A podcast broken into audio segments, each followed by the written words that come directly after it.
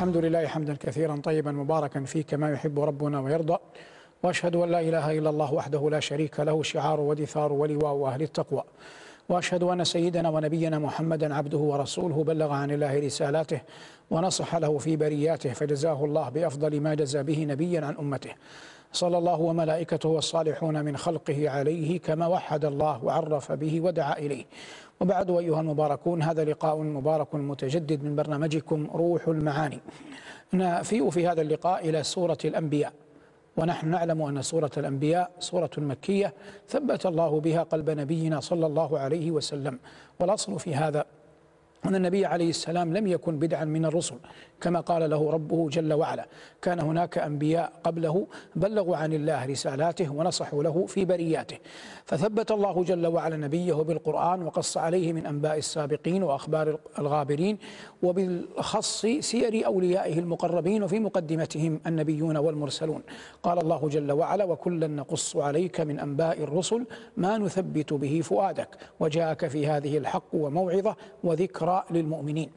سورة الأنبياء سورة مكية ذكر الله جل وعلا في ضمن ما ذكر فيها ذكر فيها إبراهيم ورشده وسليمان وفقهه وداود وملكه وذكر فيها زكريا ودعاءه وذكر فيها أيوب وصبره وذكر فيها مريم وعفتها وغير ذلك من أخبار أنبياء الله ورسله فيما سنعرج عليه في هذا اللقاء المبارك. أما الخليل إبراهيم فقد أتاه الله جل وعلا لينا في القلب وتسليما لأمر الرب تبارك وتعالى. كما قال ربنا عنه إذ قال له ربه أسلم قال أسلمت لرب العالمين. هنا قال الله جل وعلا عنه ولقد آتينا إبراهيم رشده من قبل وكنا به عالمين. والمعنى أن الخليل عليه السلام رزق حظا عظيما من الرشاد والإنسان كلما أوتي حظا من الرشاد والعقل والتأني والحكمة كان أقدر على أن يقضي حياته فيما ينفعه في أمر دينه ودنياه والعاقل لا يضع قدمه اليمنى حتى يعلم موطئا حتى يعلم موطئا لليسرى. والرشد هبة من الله تبارك وتعالى لكن لا بد منه. وقد قال بعض أهل العلم إن حظ الإنسان من الرشد بمقدار بمقدار حظه من الإيمان في في قلبه. ولما كان الخليل من أعظم الخلق إيمانا كان من أعظم الخلق رشدا صلوات الله وسلامه عليه. الحديث عن العقل حديث مستفيض لكننا نلحظ أن الدين والشرع إذا غيب العقل يغيب التكليف سواء كان هذا التغييب عارضا أو كليا أو جزئيا. فمثال التغييب الكلي عن المجنون. فإن النبي صلى الله عليه وسلم قال رفع القلم عن ثلاث عن المجنون حتى يفيق وعن الصغير حتى يكبر وعن النائم حتى يستيقظ. فتغييب الصغير تغييب جزئي. لديه عقل لكنه لم ينضج لم يكتمل بعد. وأما النائم فإن العقل غائب بالكلية لكنه لمرحلة وهي مرحلة النوم. وأما المجنون فالغالب أنه مستديم أمره ثابت إلا أن يشاء الله جل وعلا أن يشفيه ويعافيه.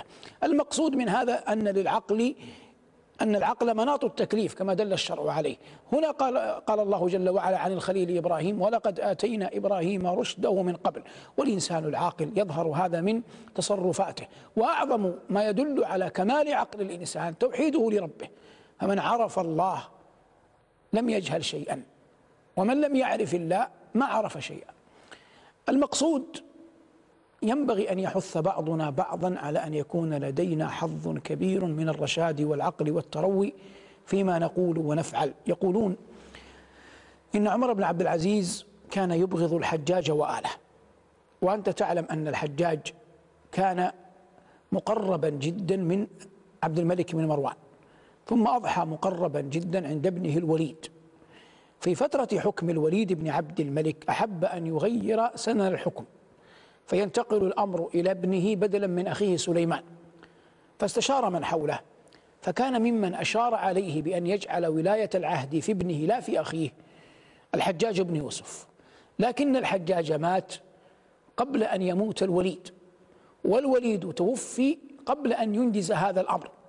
فلما آل الأمر إلى أخيه سليمان أخذ سليمان يبطش بكل من كان له دور في محاولة تنحيته عن الحكم. ومن ضمنهم آل الحجاج.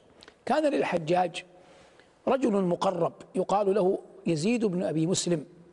وكان يزيد هذا مقربا ومولا للحجاج جعله على الأموال. فأراد سليمان أن يبطش به لكن يريد أن يجد طريقا إليه. فقال له ذات مرة أترى صاحبك يقصد الحجاج؟ قد استقر في قعر جهنم.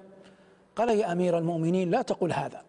فإن الحجاج كان وزيرا لأبيك وأخيك فحيثما هما فهو بينهما ومعهما. فقال سليمان قاتله الله ما أشد حجته. من أراد أن يصطنع الرجال فليصطنع مثل هذا. أي أن هذا كان بإمكانه أن يمالئ سليمان. ويقول إن الحجاج في قعر جهنم أو كلمة نحوها. لكنه بقي وفيا للحجاج وللوليد رغم أن الوليد والحجاج قد توفي قبله لكنه الوفاء في اصطناع الرجال. ثم إن سليمان أخذ يتتبع أمر يزيد ويسأل عنه أي في ماضي أيامه. فوجده أنه لم يلاحظ عليه أنه سرق دينارا ولا درهما. فأحب أن يعيده. فأحب أن يعيده مرة أخرى. فلما أراد أن يعيده نهاه عمر بن عبد العزيز لأنه كان يبغض الحجاج وآله. قال يا أمير المؤمنين لا تفعل ولا تحيي أمر الحجاج من جديد. فقال سليمان لعمر يا أمير يا عمر إنه لم يرى عنه أنه سرق في دينار ولا درهم. فقال عمر لسليمان أمير المؤمنين إن إبليس لم يسرق دينارا ولا درهما وما أضل وما أضل الخلق مثله. والمقصود من هذا عقل عمر بن عبد العزيز. فلا بد للعاقل أن يرى الأمور من وجهها الصحيح. والله لما قال جل ذكره ولقد أتينا إبراهيم رشده. وقال جل وعلا في سورة الأنعام أولئك الذين هدى الله فبهداه مقتده. كان حريا بالمؤمن أن يكون قدر الإمكان كامل العقل والرشاد في كل ما يقول ويفعل ويعرف هذا من صبره أحيانا على أذى الناس. فإن الإنسان تحف به قرابة يحف به جيران يحف به خلان. لو أخذ يعاتب كل أحد على ما يقول لما بق لما بقي له أحد.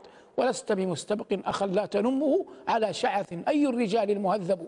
لا بد من الصبر على من حولنا ولا بد أن نقيل العثرة. ونغض الطرف عن كثير ممن حولنا. وقد قيل إن تسعة أعشار العقل في التغافل تسعة أعشار العقل في التغافل. يقول القائل وما أشكو تلون أهل ودي ولو أجدت شكايتهم شكوت. إذا جرحت مساوئهم فؤادي صبرت على الإساءة وانطويت. ورحت إليهم طلق المحيا كأني ما سمعت ولا رأيت. ولا والله ما أضمرت غدرا كما قد أضمروه ولا نويت.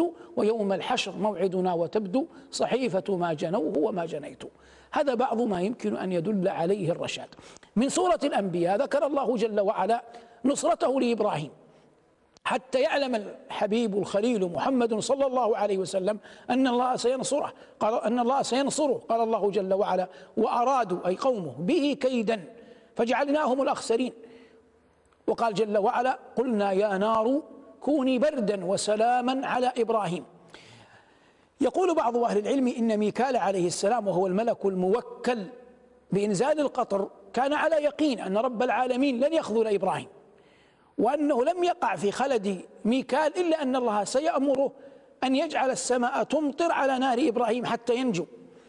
فكان يصغي السمع ينتظر الأمر بأن تمطر السماء على نار إبراهيم حتى ينجو إبراهيم.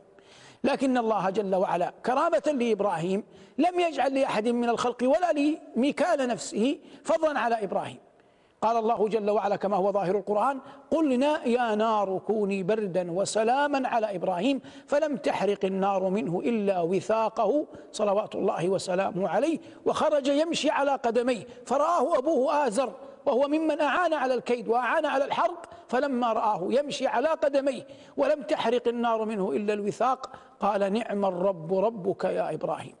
نعم الرب ربك يا إبراهيم. فاعترف آزر بعظمة الله جل وعلا وإن كان لم وإن كان لم يؤمن.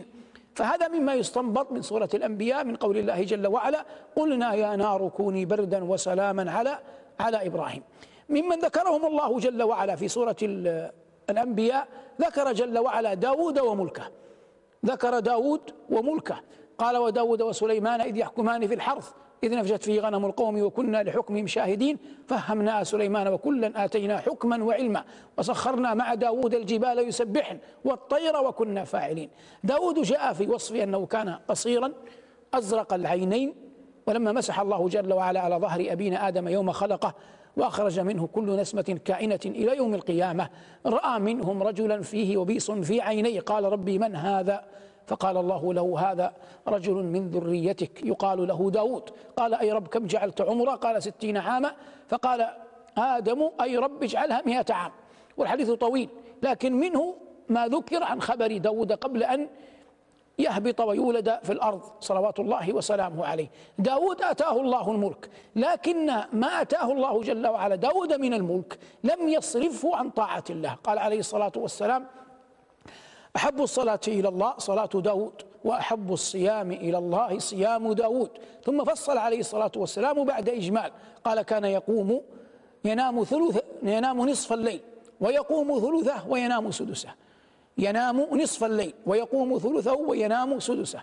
وذكر الصيام فقال كان يصوم يوما ويفطر يوما. لم يمنعه هذا الحكم والملك من أن يكون ملكا عظيما وفي الوقت نفسه عبدا كريما لربه تبارك وتعالى. ولهذا قال الله جل وعلا له اعملوا آل داود شكرا وقليل من عبادي الشكور. اعملوا آل داود شكرا وقليل من عبادي الشكور. داود عليه السلام سخر الله له الجبال. يسبحن وقد أعطي حظا من الصوت الجليل الندي. فكان يقرأ الزبور ويرتله وتستجيب له الطير حتى تقف. والجبال كما قال ربنا يا جبال أوبي معه والطير وقال في سبأ وألنا له الحديد. فلم تكن الحديد قد لانت لأحد قبل داود فأخذ يصنع منها ما يشاء. قال له ربه أن اعمل سابغات أي دروع تسبغ على الجسد وتقي الإنسان شر أعدائه. قال الفرزدق مفتخرا على جليل على جرير حلل الملوك لباسنا في أهلنا والسابغات إلى الورى نتسربل. إنا لنضرب رأس كل قبيلة وأبوك خلف أتانه يتقمل. والشاهد من, من البيتين قوله والسابغات إلى الوغى نتسربل أي الدروع. فداود أول من صنع الدروع صلوات الله وسلامه عليه. قال له رب وقدر في السرد. معنى قدر في السرد أي لا تجعل الدرع صفيقا خفيفا. يخترقه السهم والرمح ولا تجعله ثقيلا فيثقل على الفارس يثقله على يثقل على حامله فلا يستفيد منه شيئا إنما يعوق يعوق تحركه وقيامه وقعوده ومبارزته لأعدائه. هذا معنى قول الله جل وعلا وقدر في السرد وهذا كله مما أفاء الله جل وعلا من ملك عظيم على النبي الكريم داود. حتى لما اعتزل الناس في بعض أحيانه بعث الله إليه ملكين يختبران على ظاهر القرآن. وهل أتاك نبأ الخصم إذ تسوروا المحراب؟ إذ دخلوا على داود فزع منهم قالوا لا تخف خصمان بغى بعضنا على بعض. إلى آخر الآيات. قيل إنهما ملكان وقيل إنهما من سائر الناس. أيا كان الأمر فقد كان داود ملكا مبجلا وعبدا صالحا في آن واحد. فلا يحتج أحد على أحد بأن بعض الدنيا تنهي تلهي عن عبادة الله. يستطيع المؤمن أن يكون غنيا ملكا أميرا ذا شأن وجاه في قومه ولا يمنعه ذلك من عبادة الله والقيام بحقه تبارك وتعالى على النحو الأتم والوجه الأكمل. وما أقام الله هؤلاء الأنبياء إلا حجة له جل وعلا على خلقه. ممن ذكرهم الله جل وعلا في سورة أنبياء نبي الله سليمان وهو ابن داود. قال جل وعلا وداود وسليمان إذ يحكمان في الحرث إذ نفشت فيه غنم القوم. وأصل المسألة أن رجلا ذهبت غنمه إلى صاحب زرع ليلا وهذا معنى نفشت فأكلت منه فحكم بينهما داود بما ظهر له فقابل سليمان وهما خارجان. فأخبراه, فأخبراه بالخبر. قال ما قال نبي الله؟ فأخبراه بحكم داود. فقال أولى من ذلك أن يكون كذا وكذا ورأى أن يعمد أن يعطى صاحب الغنم الزرع ليقوم عليه وأن يعطى صاحب الزرع الغنم ليستفيد منها. فإذا عاد زرع هذا عاد كل أحد إلى ماله وما كان يملكه من قبل. وهذا معنى قول الله جل وعلا ففهمناها سليمان. والفهم والفقه هو الدين كله. ومن ساد من ساد من فقهاء الأمة. إنما ساد ما أتاه الله جل وعلا من بصيرة نافذة وفقه للأمور. فالنصوص موجودة يقرأها البر والفاجر والعاقل وغير العاقل. من رشد ومن لم يرشد. لكن أين الذي يقدر على الاستنباط منها؟ أين الذي يقدر على أن يتعامل معها؟ هذا هو الفقيه حقا. وإلا النصوص موجودة في القرآن والسنة. كل واحد يستطيع أن يفتح المصحف ويقرأ الآيات التي فيه لكن استنباط ما فيهن من معارف واستخراج ما فيهن من كنوز هذا هو المضمار العظيم الذي تجري فيه أقدام العلماء. وقد كان أبو حنيفة رحمه الله آية في هذه المسائل وغيره من العلماء. قالوا قالوا في حقه رحمه الله تعالى رجل لو كلمته في هذه السارية أن يجعلها ذهبا لقام بحجته. كما أن الشافعي رحمه الله كذلك كان إماما في العلم. وغيرهم من الأئمة. والمقصود استعمال العقل في صحيح النقل من دون أن يكون العقل منشئا للدليل لكنه كاشف له ثم يكون بعد ذلك ما يكون من نفع الناس بما يستنبطه الإنسان من كتاب الله تبارك وتعالى. ولهذا كان ابن عباس رضي الله عنه وأرضاه حبر وأي حبر يفقه النصوص ويحفظها يحفظ النصوص ويفقهها ويعرف ما تدل عليه معانيها.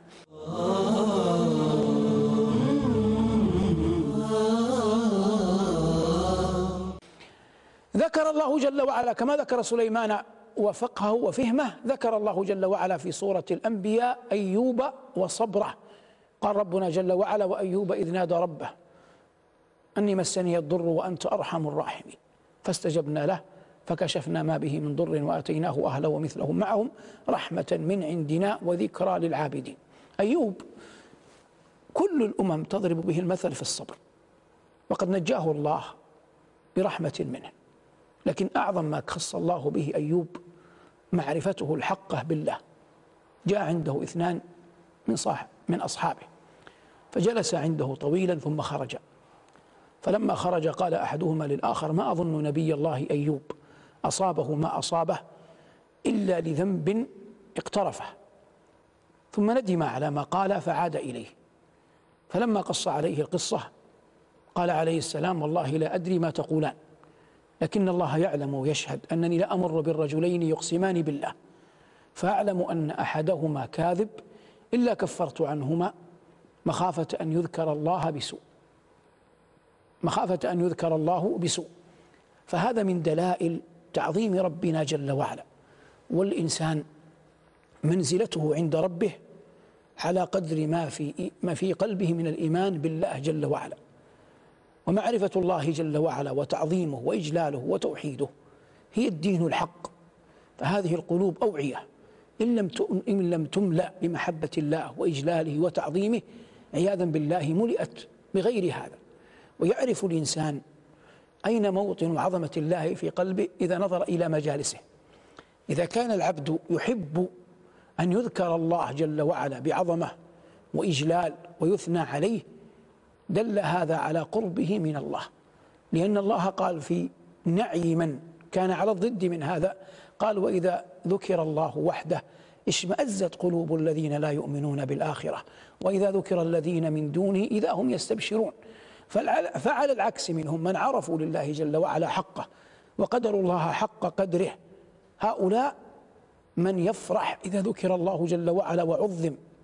ولهذا تجدهم يحبون المساجد لأن المساجد المواطن الأولى التي يعظم الله جل وعلا فيها ويذكر ويمجد. والمقصود أن نأخذ من صبر أيوب كيف أنه عليه السلام كان معظما لربه. قال الله في صاد أركض برجلك هذا مغتسل ليبرأ ظاهره وشراب ليبرأ باطنه. فتولاه الله جل وعلا برحمته ووهبنا له أهلا ومثلهم معهم رحمة منا وذكرى لأولي الألباب قال في الأنبياء وذكرى للعابدين. فالإنسان إذا كان عابدا ذا لب فقه عن الله جل وعلا كلامه. ورأى سنن الله تبارك وتعالى في أنبيائه ورسله. وسلك طريقهم والتمس هديهم حتى يفيء الله جل وعلا عليه برحمته ويدله بفضله على جنته. والصبر لا بد منه. فإن, فإن الدنيا يقول الله عنها لقد خلقنا الإنسان في كبد. ولا يمكن أن تصفو الدنيا لأحد. رسولنا صلى الله عليه وسلم رزق سبعة. أربعة إناث وثلاثة ذكور. كلهم ماتوا في حياته إلا ابنته فاطمة رضي الله عنها ماتت بعده بستة أشهر. وإلا عبد الله والقاسم وإبراهيم وزينب ورقية وأم كلثوم كلهم ماتوا في حياته صلوات الله وسلامه عليه. وجعفر بن أبي طالب من أحب خلق الله إلى نبينا عليه السلام. قال يوم خيبر لا أدري بأيهما أصر بفتح خيبر أم بقدوم جعفر. ومع هذا لم يمتع به صلى الله عليه وسلم إلا عاما أو عامين. فتحت خيبر في السنة السابعة في السنة الثامنة توجه جعفر بن أبي طالب إلى مؤتة واستشهد فيها. فصعد صلى الله عليه وسلم المنبر ينعي إلى الناس وفاة جعفر وكان جعفر يوم ذاك في الثانية والأربعين تقريبا وعيناه تدمعان صلوات الله وسلامه عليه. والمقصود أن الدنيا تحتاج إلى صبر. والله جل وعلا يقول واستعينوا بالصبر والصلاة وإنها لكبيرة إلا على الخاشعين. يقولون إن ابن عباس رضي الله تعالى عنهما بلغ أن ابنة له قد ماتت وهو على راحلته فنزل وصلى ركعتين وقال إنا لله وإنا إليه راجعون. وتلا الآية واستعينوا بالصبر والصلاة وتلا الآية واستعينوا بالصبر والصلاة. والمقصود أيها المبارك هذا ما ذكره الله جل وعلا عن أيوب وصبره في سورة الأنبياء. كما ذكر الله أيوب وصبره ذكر الله أيوب وصبره ذكر الله جل وعلا ذا النون. والنون اسم من أسماء الحوت. وبعضهم يلغز يعني يقول لغزا. يقول عينان عينان. عينان عينان لا عينان مبصرة وفي كل عين من العينين نونان. نونان نونان لا نونان كاتبة وفي كل نون من النونين عينان ويقصد بالعينين الأولين عينا ماء والنونين يقصد بهما الحوت. قال الله جل وعلا وذا النون أي صاحب الحوت. وقد قال جل وعلا في القرآن الكريم في سورة القلم ولا تكن كصاحب الحوت إذ نادى وهذا نهي مقيد يعني وقت أن خرج من قومه. قال هنا في الأنبياء وذا النون إذ ذهب مغاضبا فظن أي غلب على ظنه. أن لن نقدر عليه أي, أي, لن, أي لن نضيق عليه. ليست بمعنى القدرة والتمكين إنما القدرة التي هي ضد السعة في الرزق. والله يبسط الرزق لمن يشاء ويقدر. فقال جل وعلا فظن أن لن نقدر عليه. فنادى أي يونس في الظلمات ظلمة الليل وظلمة البحر وظلمة بطن الحوت. ظلمة الليل وظلمة البحر وظلمة بطن الحوت. فنادى في الظلمات أن لا إله إلا أنت. أقر لله جل وعلا بالتوحيد. سبحانك نزه الله جل وعلا عن كل ما لا يليق به. إني كنت من الظالمين اعترف بذنبه. فرفعت تلك الدعوات. تفتح لها أبواب السماوات. حتى وصلت عند العرش. سمعت الملائكة الصوت. عرفت أنه صوت مألوف. لأن يونس كانت ترفع له أعمال صالحة قبل ذلك. فقالوا أي رب صوت من هذا؟ قال هذا صوت عبد يونس. حبسته في بطن الحوت. فشفعت الملائكة ليونس عند ربها والملائكة من أعظم أنصار المؤمنين. الله يقول الذين يحملون العرش ومن حوله يسبحون بحمد ربهم ويؤمنون به ويستغفرون للذين آمنوا. فقال الله جل وعلا هنا وذنون إذ ذهب مغاضبا فظن أن لن نقدر عليه فنادى في الظلمات أن لا إله إلا أنت سبحانك إني كنت من الظالمين. قال ربنا فاستجبنا له.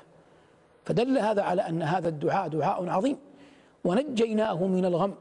وأينا هذا الذي يخلو من الغم أو الهم؟ لكن لا بد أن يلجأ العبد إلى ربه وأن يلجأ إلى مولاه. وكذلك ننجي المؤمنين. فنجيناه من الغم. وكذلك ننجي المؤمنين. فنجاتنا ليونس ليست وقفا عليه. وإنما هي حظ لكل من آمن بنا ولجأ إلينا دون غيرنا. فنجيناه من الغم وكذلك ننجي المؤمنين. لما ذكر الله جل وعلا يونس وما وقع له ذكر الله جل وعلا خبر زكريا عليه السلام ولم يذكر هنا أي في سورة الأنبياء خبر قوم يونس لكنه ذكرهم جل وعلا في سورة يونس. فلولا كانت قرية آمنت فنفعها إيمانها إلا قوم يونس لما آمنوا كشفنا عنهم عذاب الخزي في الحياة الدنيا ومتعناهم إلى حين. خرجوا وقد فصلوا ما بين كل والدة وولدها. فصلوا ما بين البقر وعجلانها وما بين الغنم وحملانها وما بين الناقة النياق وفصلانها. واستغاثوا بربهم تبارك وتعالى. ورغم أن العذاب حل سنة الله في خلقه أنه لا تتبدل ولا تتغير مع ذلك استثنوا لأمر أراده الله. قال ربنا فلولا كانت قرية آمنت فنفعها إيمانها إلا قوم يونس. لما آمنوا كشفنا عنهم عذاب الخزي في الحياة الدنيا ومتعناهم إلى حين. وقال جل وعلا في سورة الصفات وأرسلناه إلى مئة ألف أو يزيدون فآمنوا فمتعناهم إلى حين. لكن هنا في سورة الأنبياء اكتفي بذكر كيف نجاه الله جل وعلا من الغم. ثم ذكر الله جل وعلا زكريا وهو أحد أعظم أنبياء بني إسرائيل. لم يرزق ولدا كانت زوجته عاقرة تكفل قام بكفالة الصديقة مريم فكان يدخل عليها وهو المسؤول عن قوتها وهو أعلم بالطعام الذي يأتي إليها ويزدرف إليها. فكان يجد عندها طعاما لم يأمر به ولم يأتي به. وليس المقصود أنه يجد عندها في الصيف طعام الشتاء أو في الشتاء طعام الصيف كما قال بعض العلماء لأن هذا باطل من أصله. فطعام الشتاء لا ينفع في الصيف وطعام الصيف لا يجدي في الشتاء. كل شيء جعل الله له وقت. لكنه لأنه كان المسؤول عن كان المسؤول عنها يجد عندها طعاما لم يأمر به فيتعجب ويخشى أن يكون لها من يأتيها رغبة فيها. فسألها كلما دخل عليها زكريا المحراب وجد عندها رزقا. قال يا مريم أنى لك هذا؟ قالت هو من عند الله إن الله يرزق من يشاء بغير حساب. هنالك قال ربنا دعا زكريا ربه. قال هنا في الأنبياء وزكريا أي واذكر زكريا وزكريا إذ نادى ربه رب لا تذرني فردا وأنت خير الوارثين. ومعنى وأنت خير الوارثين أنت الحي أنت الباقي بعد كل من يموت. أنت الباقي بعد كل من يموت. فلجأ إلى ربه. قال الله جل وعلا فاستجبنا له. كما قال في حق يونس. ووهبنا له يحيى. وهذا اسم لم يعطى من قبل. قال الله جل وعلا في مريم لم نجعل له من قبل سميا. فاستجبنا له وأصلحنا له يحيى. واستجبنا له ووهبنا له يحيى. وأصلحنا له زوجه. والصلاح هنا لا ينبغي أن يكون مقيدا في شأن واحد. نعم أول ما ينصرف أن جعلها قابلة لأن تحمل لكن ينصرف إلى أحوالها كلها. ثم ذكر الله جل وعلا بعض أسباب كانت سببا في رحمة الله جل وعلا بأهل هذا البيت الصالح. قال إنهم كانوا يسارعون في الخيرات ويدعوننا رغبا ورهبا وكانوا لنا خاشعين. ينبغي أن تكون بيوت المؤمنين بيوت يذكر فيها الله ويعظم وتقام فيها الصلوات النوافل ويصام فيها ويتلى فيها القرآن ويصارع فيها في الخيرات ويسابق فيها في الطاعات. إنهم كانوا يسارعون في الخيرات ويدعوننا رغبا ورهبا وكانوا لنا خاشعين. وبعض أهل العلم يرى أن قول الله جل وعلا إنهم كانوا يسارعون في الخيرات يعود إلى جميع من ذكر من الأنبياء قبل زكريا وهذا محتمل لكن الأول أولى والعلم عند الله. بعد أن ذكر الله جل وعلا هذا الجم الغفير من أنبيائه ورسله وأثنى عليهم. تثبيتا لقلب نبينا صلى الله عليه وسلم ختم ذلك بذكر الصديقة مريم وابنها عيسى. قال جل وعلا وزكريا إذ نادى ربه ربي لا تذرني فردا وأنت خير الوارثين فاستجبنا له ووهبنا له يحيى وأصلحنا له زوجه. إنهم كانوا يسارعون في الخيرات ويدعوننا رغبا ورهبا وكانوا لنا خاشعين والتي أحصنت فرجها. والمقصود مريم. فنفخنا فيها ومن نفخ كان جبرائيل. من روحنا وجعلناها أي مريم وابنها أي عيسى بن مريم آية للعالمين. وقد كان عيسى عليه السلام آية وأي آية. تكلم في المهد وأتاه الله جل وعلا القدرة على إحياء الموتى وأتاه الله القدرة على كشف كثير من من الضر. قال ربنا تبارك وتعالى وجعلناها وابنها آية للعالمين. ونلحظ أن الله جعل مريم وابنها كالشيء الواحد. قال وجعلنا ابن مريم وأمه آية. وآويناهما إلى ربوة ذات قرار ومعين. لما ذكر الله الليل والنهار قال وجعلنا الليل والنهار آيتين. لكن هنا قال آية. فالمقصود من هنا من هذا كله أن عيسى عليه السلام كان من أعظم آيات الله تبارك وتعالى. في نبوته في رسالته في كلامه في المهد. إني عبد الله آتاني الكتاب وجعلني نبيا وجعلني مباركا أينما حيثما كنت أينما كنت وأوصاني بالصلاة والزكاة ما دمت حيا. بعد أن ذكر هذا كله جل ذكره من مريم وابنها ومن قبل ذلك إبراهيم ونوح ولوطا وقبل ذلك موسى وهارون. قال جل وعلا إن هذه أمتكم أمة واحدة وأنا ربكم فاعبدون. اختلفت مشاربهم أحوالهم هذا ملك وهذا مبتلى بالمرض هذا حرم الذرية وهذا أوتيها. أيا كانت أحوالهم فربهم رب واحد لا رب غيره ولا إله سواه. وأنا ربكم فاعبدون فمن أسلم لله قلبه وأطاع الله جل وعلا في أمره ونهيه بلغ المراد وفاز يوم يحشر العباد ويقوم الأشهاد بلغنا الله وإياكم تلكم المنازل. هذه بعض الوقفات اليسيرات مع سورة الأنبياء. في هذا اللقاء المبارك من برنامجكم روح المعاني. والله, والله أسأل أن يوفقنا وإياكم لما يحب ويرضى. وأن يلبسنا وإياكم لباسي العافية والتقوى. وصلى الله على محمد وآله والحمد لله رب العالمين. والسلام عليكم ورحمة الله وبركاته.